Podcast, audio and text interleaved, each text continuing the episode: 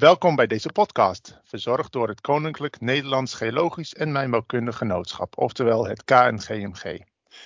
In deze serie, genaamd Nooit meer slapen met, voeren Marianne Leeuwis en ik, Henk Kombrink, om beurten een gesprek met een Nederlandse aardwetenschapper of aardwetenschapster, om zo wat meer te weten te komen over hun carrière, keuzes, ervaringen en visies. In deze derde opname praat ik met de directrice van de Nederlandse Geologische Dienst, Teerza van Dalen. Teerza studeerde in 1994 af bij de vakgroep Sedimentologie aan de Universiteit Utrecht en heeft daarna gewerkt in de IT, bij een grote uitgever en een korte tijd in de academische wereld, voordat ze in, eh, in 2009 uh, bij TNO terecht kwam. Welkom Teerza en hartelijk dank voor de medewerking aan deze podcast. Nou, dankjewel Henk. Graag gedaan. Ja. Laten we even helemaal teruggaan naar je, ehm, de schooltijd en de keuze om geologie te gaan studeren. Wat, uh, wat vormde de belangrijkste beweegredenen voor je?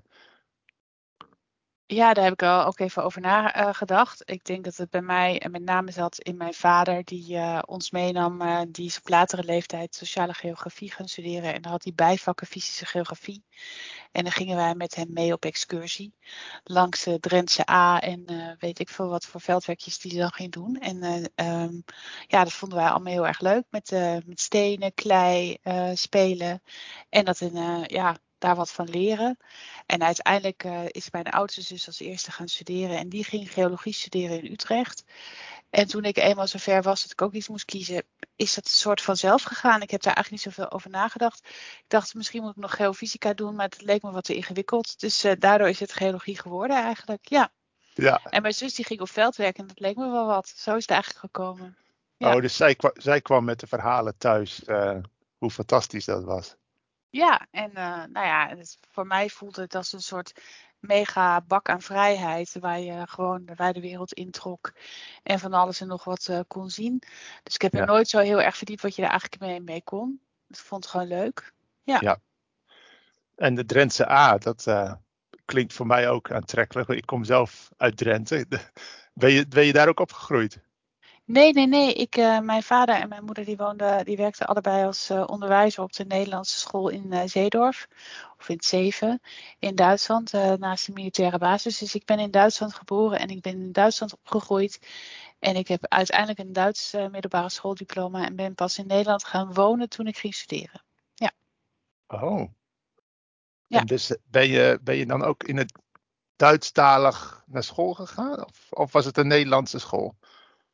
Nou ja, had daar de lagere school en uh, drie VWO tot de derde. Tot, ik heb dus tot, drie, tot de derde klas op het VWO gezeten en daarna naar het Duits gymnasium. Dus ik ben hm. tweetalig opgegroeid.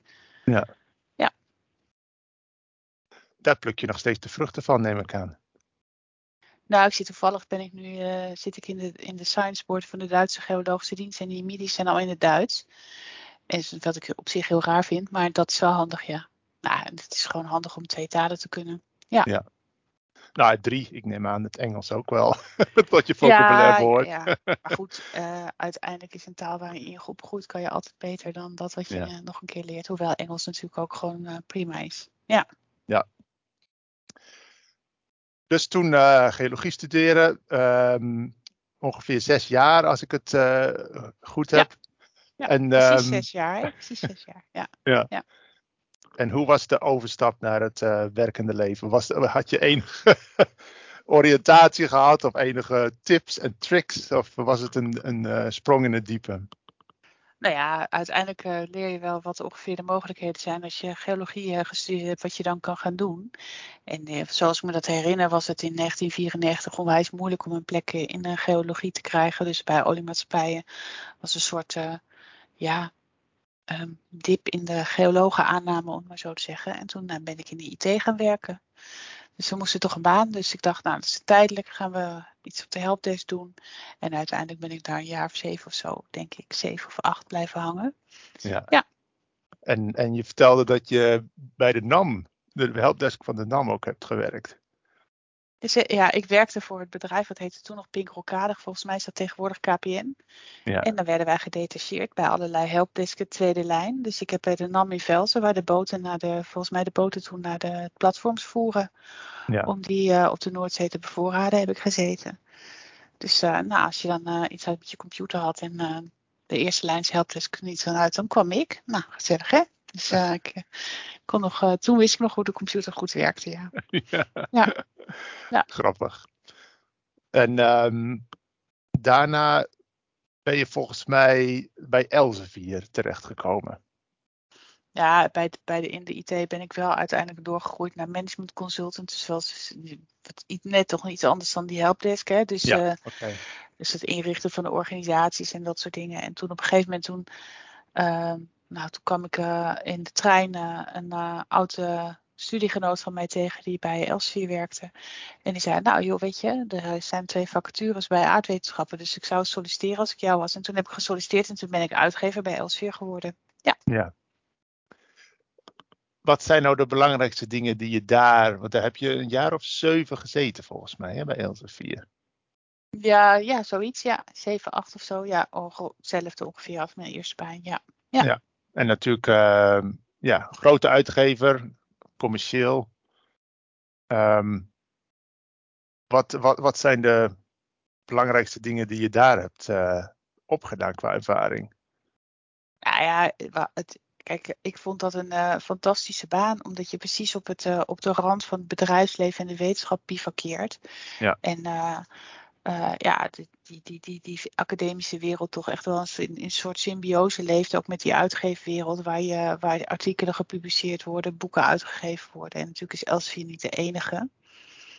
Maar ik had voor mij persoonlijk, ik had gewoon de gelegenheid om op alle universiteiten ter wereld te kijken wat voor fantastische wetenschap er bedreven wordt. En ik had altijd een reden om ergens heen te gaan.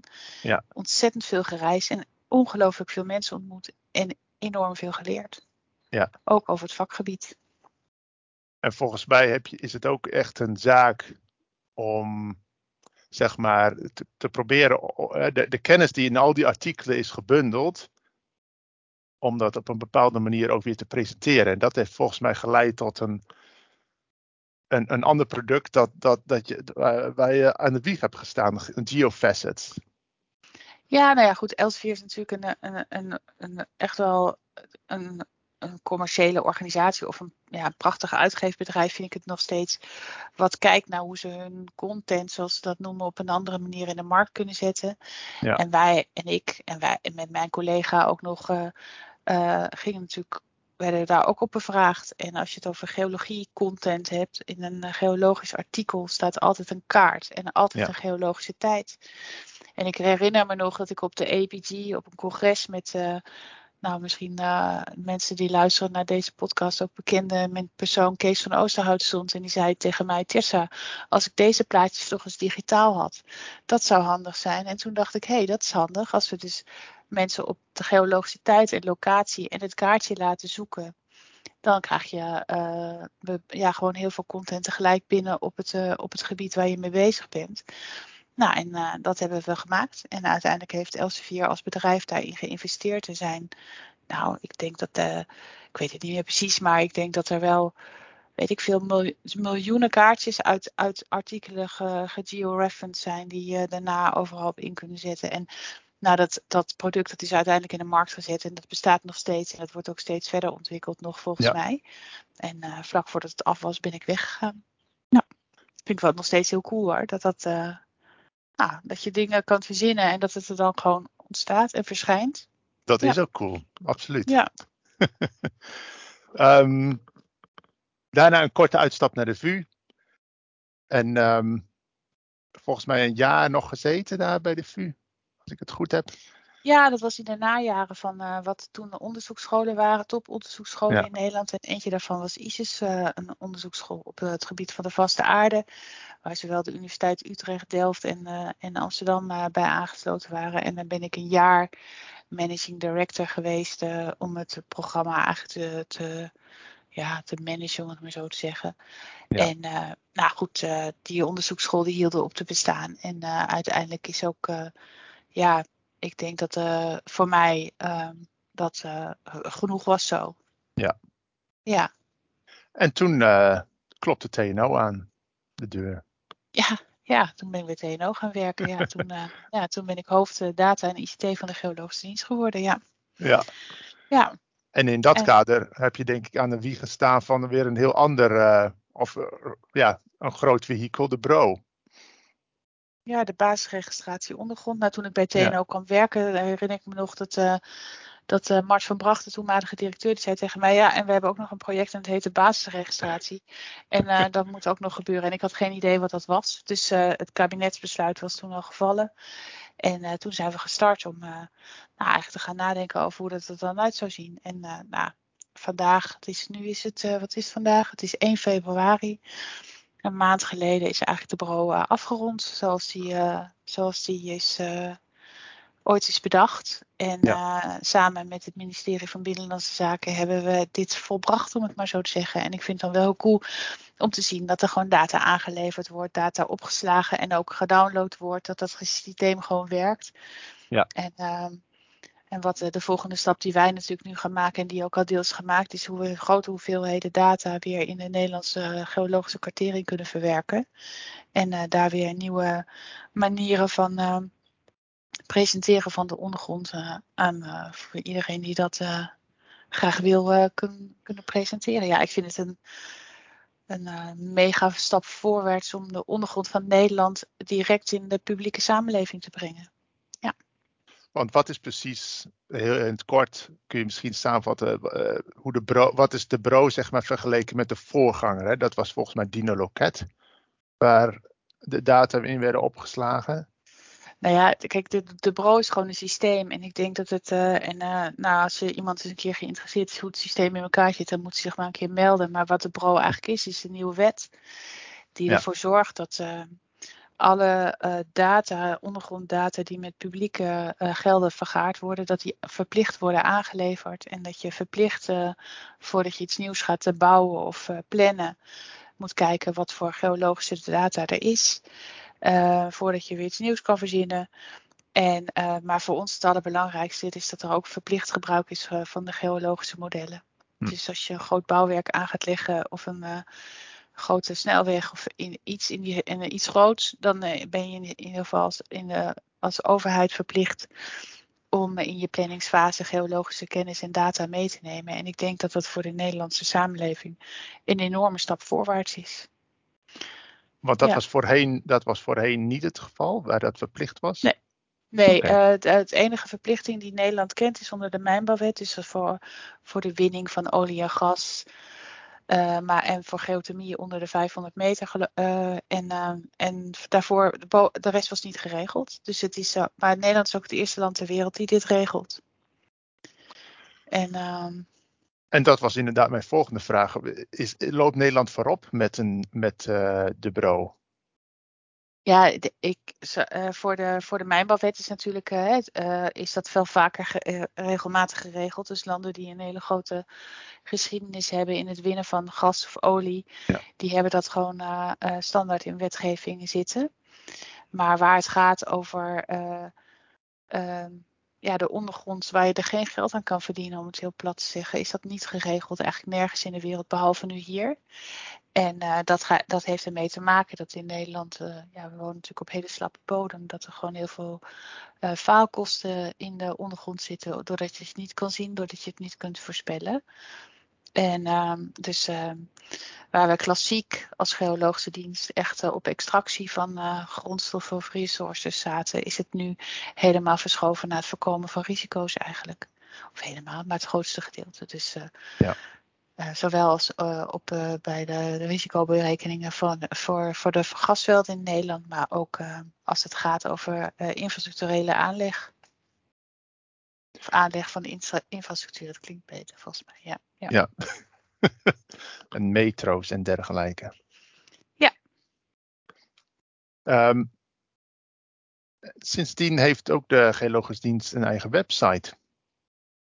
Heeft dat de zichtbaarheid uh, vergroot? Um, ja, het is, uh, uh, vroeger had je natuurlijk het NITG en, en, en als instituut in het TNO-instituut. Daarna zijn, uh, is dat TNO gereorganiseerd. En wat je ziet is dat die geologische dienst is een van de grote taakorganisaties uh, van, van de twee grote taakorganisaties van TNO. Ja. En omdat wij um, onafhankelijke data, kennis en kunde van de Nederlandse ondergrond voor de samenleving maken, vindt onze stakeholder het heel belangrijk dat wij goed vindbaar zijn voor degenen die ons nodig hebben. En TNO is natuurlijk een heel groot, grote organisatie met heel veel diversiteit. Ja. En dit is een, een makkelijke ingang om, om tot dit soort informatie te komen. En je, en je noemt stakeholder, dat is TNO, neem ik aan.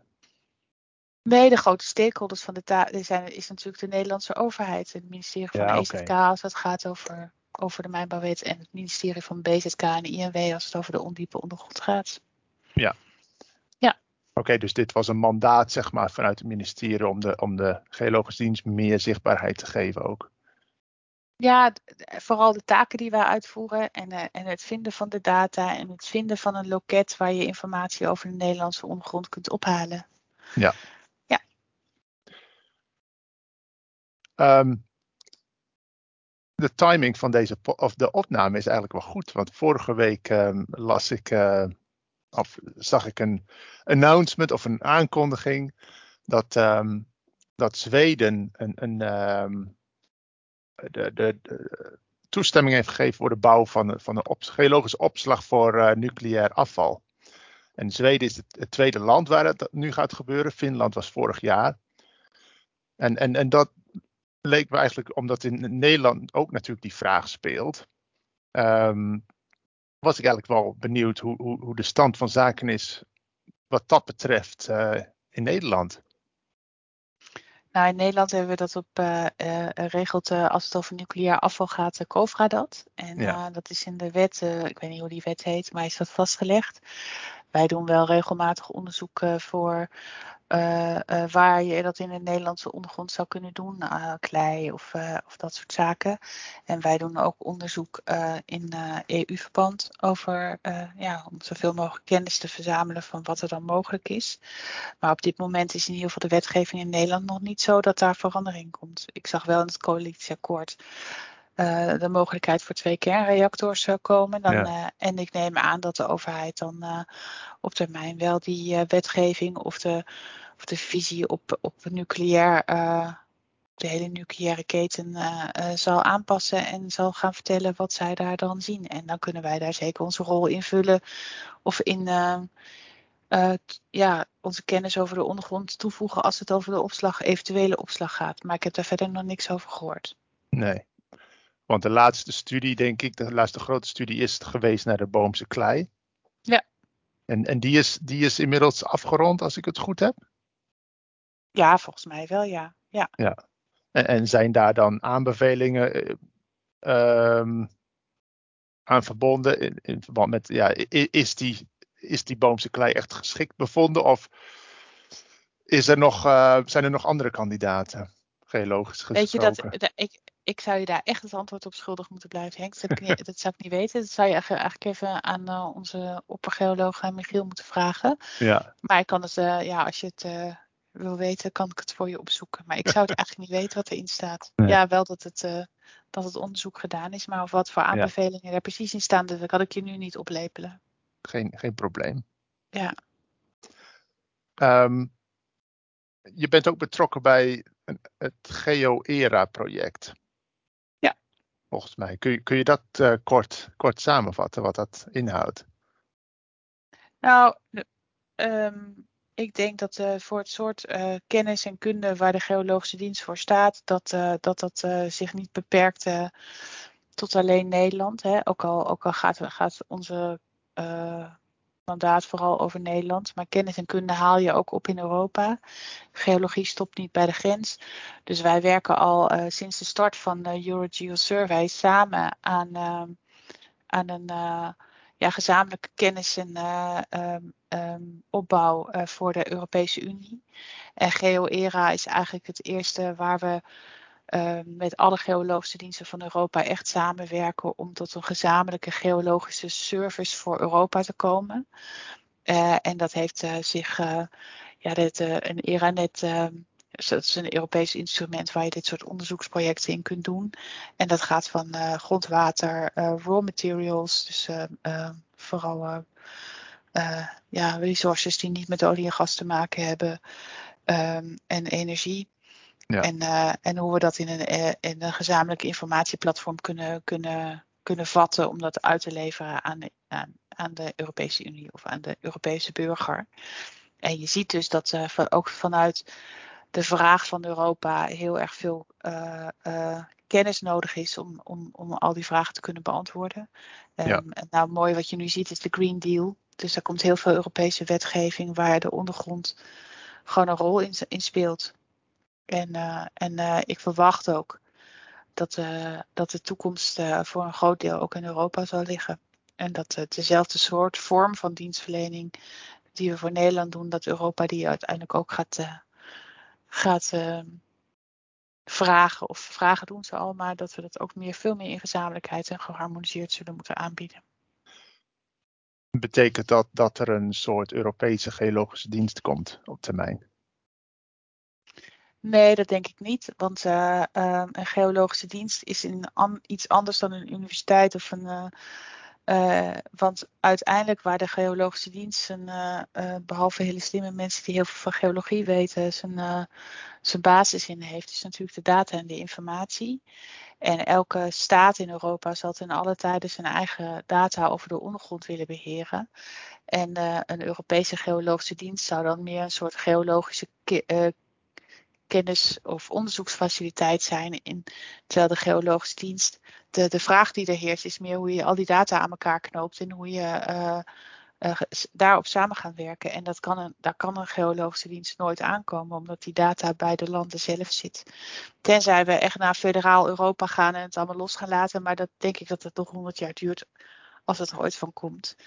Dus het is, zal meer een virtuele uh, manier van samenwerken zijn. Ehm, waar je eigenlijk het beste bij elkaar naar elkaar brengt. En ja. elkaar op, uh, naar boven brengt. Ja. Maar ik kan me wel voorstellen dat het inderdaad, wat je zegt, virtueel, dat het wel zin heeft om die datasets aan elkaar te proberen te koppelen, zodat je een Europees beeld krijgt. In plaats van dat elk land zijn eigen datasetjes uh, beheert of Nou ja, kijk, wat, wat, je, wat ik denk dat we gaan krijgen is dat, het, uh, de, uh, dat je uh, op Europese schaal graag wil weten waar je energie kunt opslaan. Um, waar de mogelijkheden voor geothermie zijn. Waar je, um, nou ja, dat je eigenlijk een soort Europees beeld voor uh, opslag en energiebehoeften kunt vinden, maar ook een Europees beeld van waar je raw materials zoals uh, lithium, uh, koper, dat soort ja. mineralen kunt vinden om de leveringszekerheid van de Europese Unie zeker te stellen. Ja. Nou, en en daar, daarvoor zijn is de rol van zo'n geologische dienst uh, in elk land heel van cruciaal belang. En de samenwerking tussen die geologische diensten ja. uh, zal vele malen sterker en een veel beter um, beeld voor de beleidsmakers in de EU leveren dan dat ze zelf een Europese geologische dienst moeten gaan oprichten, die dan kennis moet hebben van zowel de Pyreneeën, de Alpen, het uh, Europese, het Nederlandse laagland en zo. Dat ga je nooit redden. En op deze manier van samenwerken ja. heb je eigenlijk toegang tot ze. Nou, hoeveel mensen zullen er werken bij alle geologische diensten? Een stuk of 10.000. Dus ja. weet je, dus je hebt in één keer toegang tot 10.000 slimme hoofden. En dat is eigenlijk veel meer de meerwaarde daarvan. En die kunnen wij in Nederland sowieso ook voor onszelf nooit mobiliseren. Dus dit is een hele ja. mooie manier van kennis delen, kennis ophalen, kennis brengen. En het uh, verkorte lijntjes naar Brussel ook, neem ik aan.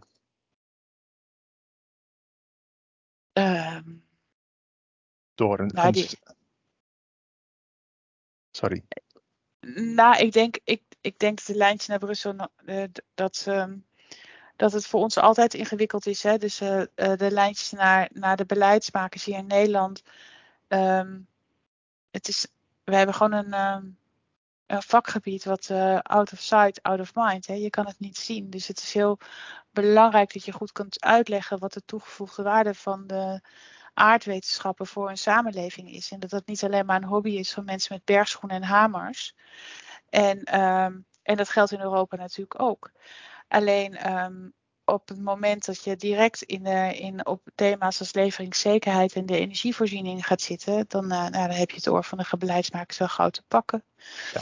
Maar het, het verhaal vertellen van wat je, daar, wat je met onze, onze kennis eigenlijk kan en hoe vitaal dat voor een samenleving is, dat, dat, is, dat, is, dat is eigenlijk uh, het grootste, het belangrijkste wat wij de hele dag doen. Ja. En hoe ziet, um, hoe ziet de geologische dienst eruit in, uh, in 2050?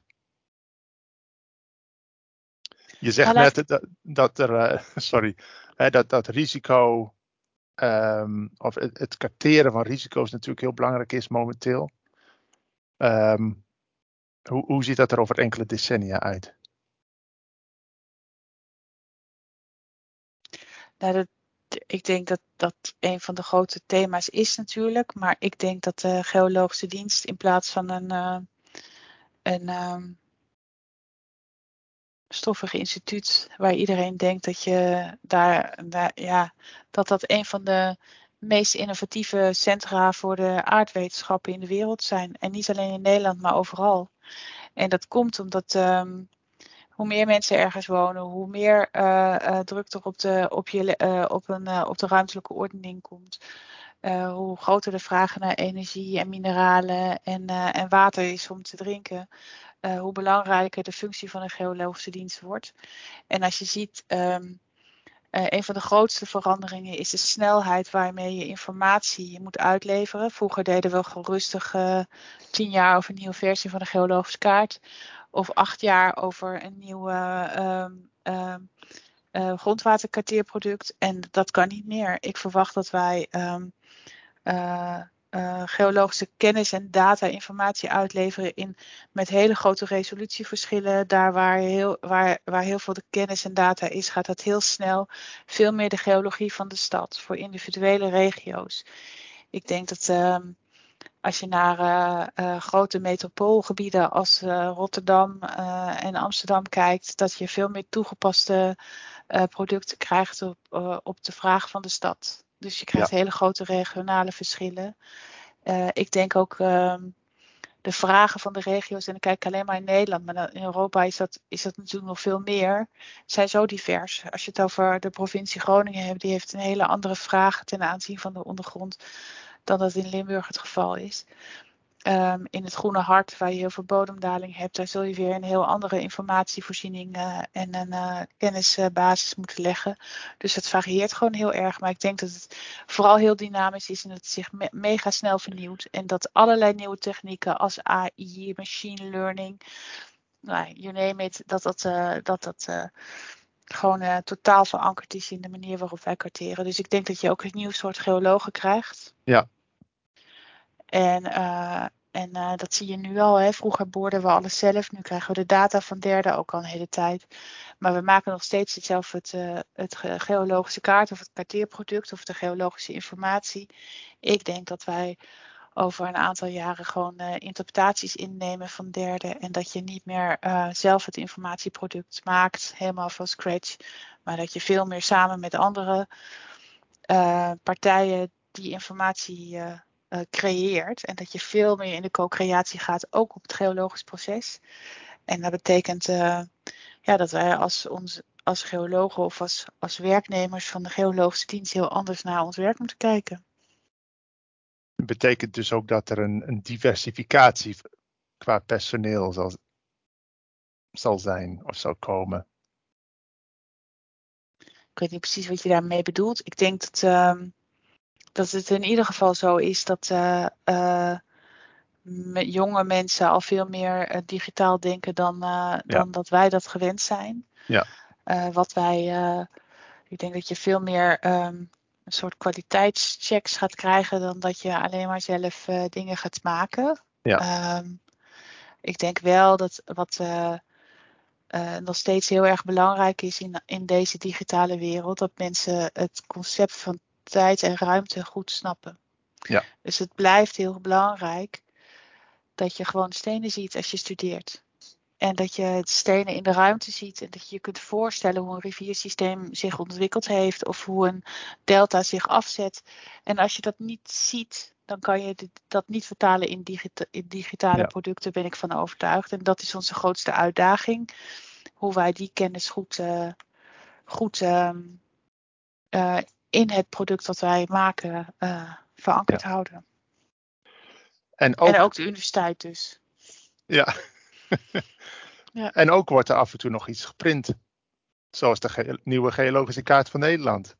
Ja, cool hè? Ja, ja. Ja, ik vind hem ook heel mooi. Heb je hem gezien?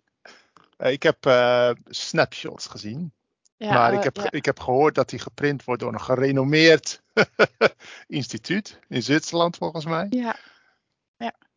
Nou ja, wij hebben natuurlijk al heel lang eh, de kaartbladen losgelaten in Nederland. Hè. Ik heb nog een, een heel ander verhaal. Mijn vader die overleed een jaar geleden. En eh, toen wij zijn spullen aan het uitruimen waren, toen kwam daar nog eh, een doos met alle geologische kaartbladen van Nederland naar te, tevoorschijn. Want dat, dat, had hij dus. Prachtig. En die heb ik wel bewaard, maar die maken wij als geologische dienst natuurlijk eigenlijk niet meer. En eh, toen wij eh, 100 jaar karteerden, dus het mo- mo- moment dat er 100 jaar geologische kaarten worden gemaakt, of ze nou 2D of 3D zijn, toen dachten we, nou dan moeten we nu een nieuwe versie uitbrengen. En, eh, nou, en wat, wat wij daar wel van geleerd hebben, dat wij zo in het proces van onze eigen, eh, ja, eh, het produceren van een digitaal product zitten, dat je eigenlijk alweer vergeten bent hoe belangrijk soms zo'n papieren kaart is. En hoe fijn mensen dat vinden om dat te zien, hoe fijn ik het zelf vind, maar ook hoe mooi het is en hoe goed je daaraan kan vertellen wat geologie eigenlijk is. Absoluut. En ja, dus uh, toen die op het 8 uur journaal onthuld werd door de, de DG's uh, twee jaar of drie jaar geleden, was wel een heel mooi moment. Ja, ja. heel tof. Ja. ja. En nu is hij ook voor iedereen volgens mij verkrijgbaar, hè? Ja, bijna, want, in, in, want wij kunnen dus niet meer, wij, wij zijn niet meer gewend om een, om een geologische kaart te drukken. Dus hoe je dan dat precies uh, moet doen in de juiste verhoudingen, dat weten onze collega's in Zwitserland heel goed, want die maken heel veel geologische kaarten. Dus zij gaan hem drukken. En ja. uh, als het goed is, is die over, nou, ik geloof over twee maanden of zo af. Oké. Okay. En dan uh, heel veel mensen hebben zich daarvoor ingeschreven al een tijd geleden en dat vult zich ja. ook steeds en dan zullen al die geologische kaarten toegestuurd worden. Super. Ja. Dus, en, en wat wordt de grootte, zeg maar? Een, een, echt een, een posterformaat, moet ik aan denken? Nou, er, wordt, ja, er komen meerdere maten. Er, okay. er, komt een opgerold formaat en een gevouwen formaat. En er is ook een, uh, een speciale voor, uh, die, uh, voor, voor schoolklassen. Hm. Dus nou, en tegen de tijd dat dat zover is, dan zal ik ook via de geobrief jullie laten weten dat het, dat het eindelijk gelukt is om hem in papier te hebben. Fantastisch. Ja. Tot slot, Tessa. Um, hoe ziet de toekomst eruit voor de nieuwe generatie aan geologen? Nou, ik denk dat er een enorme toekomst voor geologisch is. Uh, uh, en dan, maar niet, meer in de niet alleen meer in de tra traditionele wereld van de olie en gas. Of niet, niet dominant. Ik denk dat het, het, het bijdragen aan een, uh, in de enorme verandering in de transitie voor de energie. Dat de ondergrond een cruciale rol speelt. En dat we ongelooflijk veel mensen daarvoor nodig hebben om dat goed te snappen.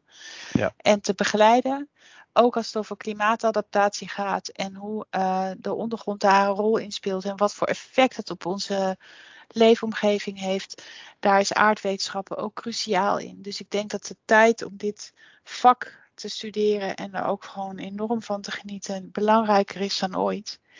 En uh, ik hoop ook dat uh, veel jonge mensen dezelfde stap doen als wij dat ooit gedaan hebben. En uh, gewoon dit gaan studeren in de grote puzzel die je bij elkaar mag leggen. En de, je, je hele eigen imagination, zoals dat in het, uh, prachtig in het Engels heet, uh, toe te passen. En jullie zijn heel erg belangrijk voor de toekomst van Nederland. Dus ga het alsjeblieft studeren. Dat is mijn oproep.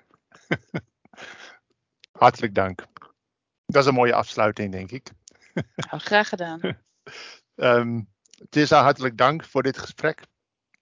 Um, dit was de derde podcast in de KNGMG-serie genaamd Nooit meer slapen met. Mijn naam is Henk Kombrink. Hartelijk dank voor het luisteren en graag tot ziens.